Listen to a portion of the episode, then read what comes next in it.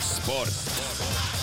spordiminutid toob sinuni Unibet, mängijatelt mängijatele kaheksa kolmkümmend üheksa, tegelikult kohe nelikümmend. spordireporter Ott Järvel on stuudios, tere hommikust. tere hommikust. korvpall. No ikka ja, ega ei juhtu iga päev, et mõnel Eesti pallimänguvõistkonnal koondise tasemel oleks võimalik mängida võistlusmängu maailma absoluutse tipuga. Sloveeniaga siis. mida Sloveenia kahtlemata ju on, valitsev Euroopa meister, mulluste Tokyo olümpiamängude poolfinalist, noh toona tuleb öelda poolfinalist, sest neil noh, Tokyos läks asjad lõpus läksid ikkagi viltu, et jäid medalist ilma aga, aga no eile sai Eesti siis seda Euroopa tippu nuusutada ja no oleme ausad, ei jäänud ju üldse nagu mingi paha maitse suhu või niimoodi, et, et, et seal, seal küll esimene veerand püsiti täitsa kenasti alguses mängus sees, tõsi, siis jah, kaheksateist, kakskümmend kolm kaotusseisus tegi Sloveenia seitseteist null spurdi onju ja siis mm, -hmm. siis olid asjad üldiselt tehtud mm. -hmm. aga mäng oli lõpuni välja ikkagi noh, korralik, viisakas, et selline noh, nõme termin on see ilus kaotus, aga, aga tegelikult kui nüüd aus olla, siis äh, pallimängudes, kui ikkagi väikesel sellise väga suurega on vaja mängida, siis, siis äh, noh, need asjad lihtsalt juhtuvad, et seal, seal ei ole nagu väga suurt midagi parata ja, ja siis on see, et narr on minu meelest olla nagu tead, üleliia depressiivne sellepärast, et kaotus, jah, protokollis on kaotus ja, ja, ja, ja turniiritabelis on kaotus ja, ja võib-olla noh, viie-kuue või, või kümne aasta pärast keegi ei mäleta enam selle kaotuse täpseid asjaolusid, vaatad, ahah, Sloveenia käest miinus kakskümmend üks, noh, mitte midagi. aga, aga praegu nüüd sellist väikest äh, heaolutunnet saada sellest, et äh, enne EM-finaalturniiri, mis Eesti jaoks järgmisel reedel algab, et, et äh, tehti ühe selle EM-i soosiku vastu korralik partii võõral väljakul tulise publiku ees, narr oleks mitte sellest minust väikest heaolu tunda. Ja alati on ju lootust, et äkki jääb midagi külge ka endale, kui väga lähedalt sellistelt staaridelt läbi käid.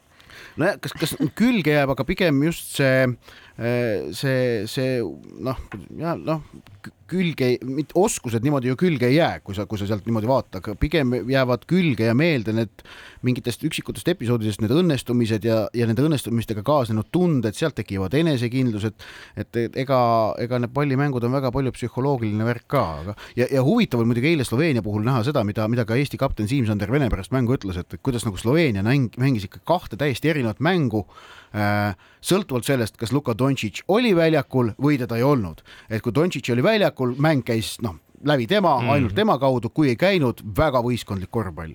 aga nüüd siis selle pealt eh, Eesti-Soome mängu tulemust ennustada, pühapäeval on võimalik ju kõigil minna Saku Suurhalli kaasa elama Eesti koondisele, veel viimane kodune mäng nii-öelda enne EM-finaalturniiri. ja see on üldse viimane mäng enne EM-i eh, ja seal noh tahaks võitu no,.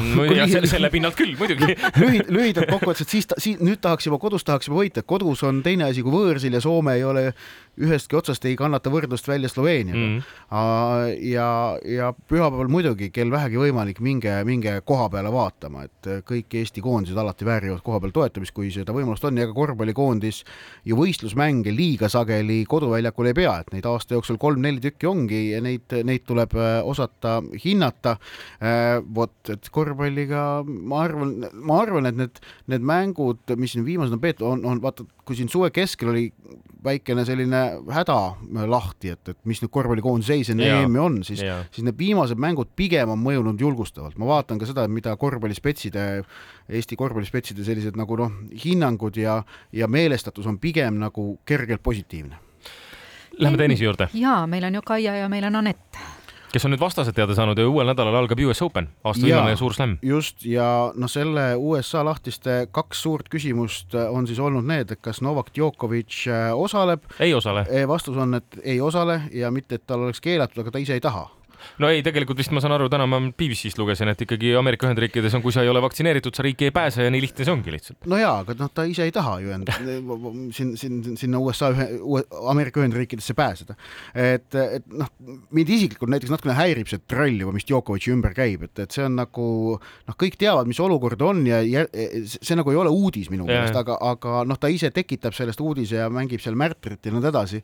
Ehm, ja teine muidugi suur äh, suur sündmus ja persoon, kelle ümber see kõik käib, on äh, Serena Williams, kelle jaoks on tegemist karjääri viimase võistlusega ning äh, nüüd vaadates Kontaveidi loosi ja Serena Williamsi loosi, siis seal on arvestatav šanss, et nad põkkuvad mm.. sellepärast, et kui Kontaveit mängib esimeses ringis äh, Jacqueline Christianiga, siis äh, Serena Williamsi vastane on Danka Kovinic ja kui mõlemad Kontaveit ja Williams võidavad, nad on teises ringis omavahel vastamisi. Uh. teises, teises ringis võib, võib tulla ka Anett Kontaveit, Serena Williams turniir ja siis noh, natuke niimoodi. see võiks olla viimase mängu viimane.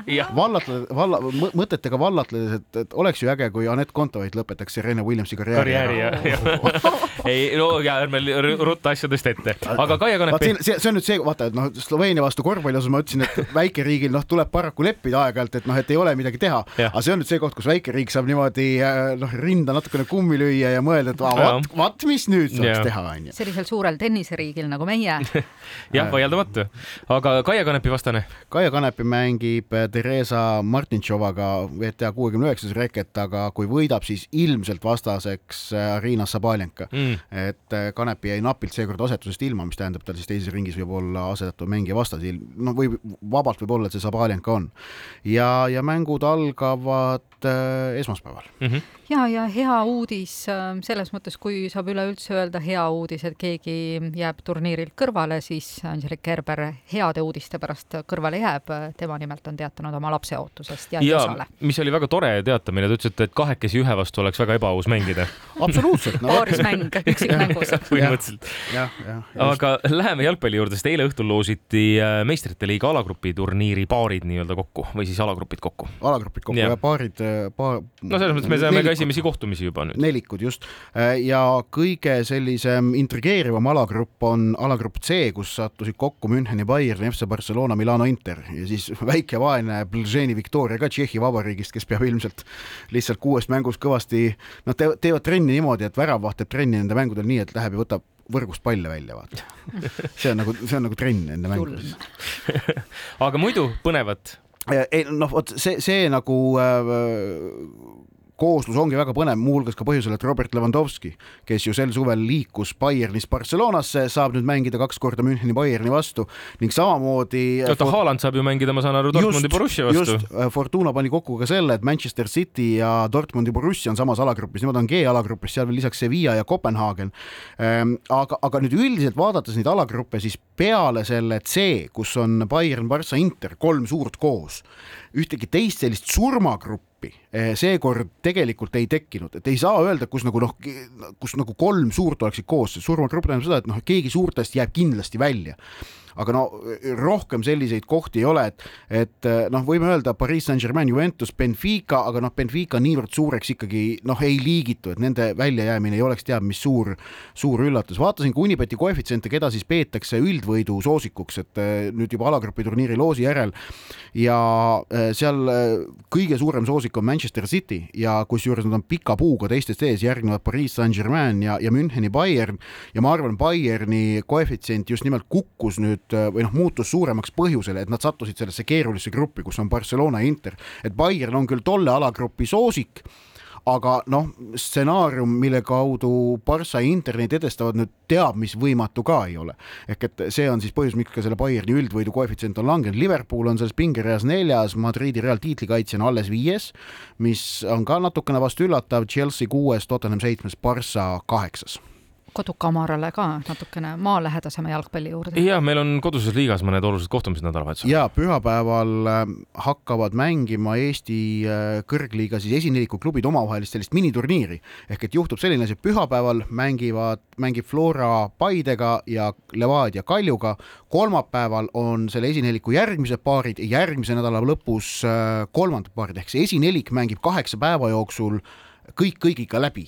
Äh, on kalendris need mängud järjestikku sattunud, sellised murdemängud premium-liigas nad on ja noh, Flora Levadia peavad tiitlivõitlust, äh, Paide proovib Kaljust mööda pääseda, et, et tõusta pronksi kohale. et see on siis selline tabeli nagu suurem seis, aga noh, eks iga selline tipplahing hakkab sisaldama selliseid väikeseid keerdkäike ja ja teineteise, teineteise mõjutamisi ja noh, iga see matš on, on kindlasti omaette etendus väga hea, aga siis me kohtume juba tuleval nädalal ja loeme natuke tibuseid üle.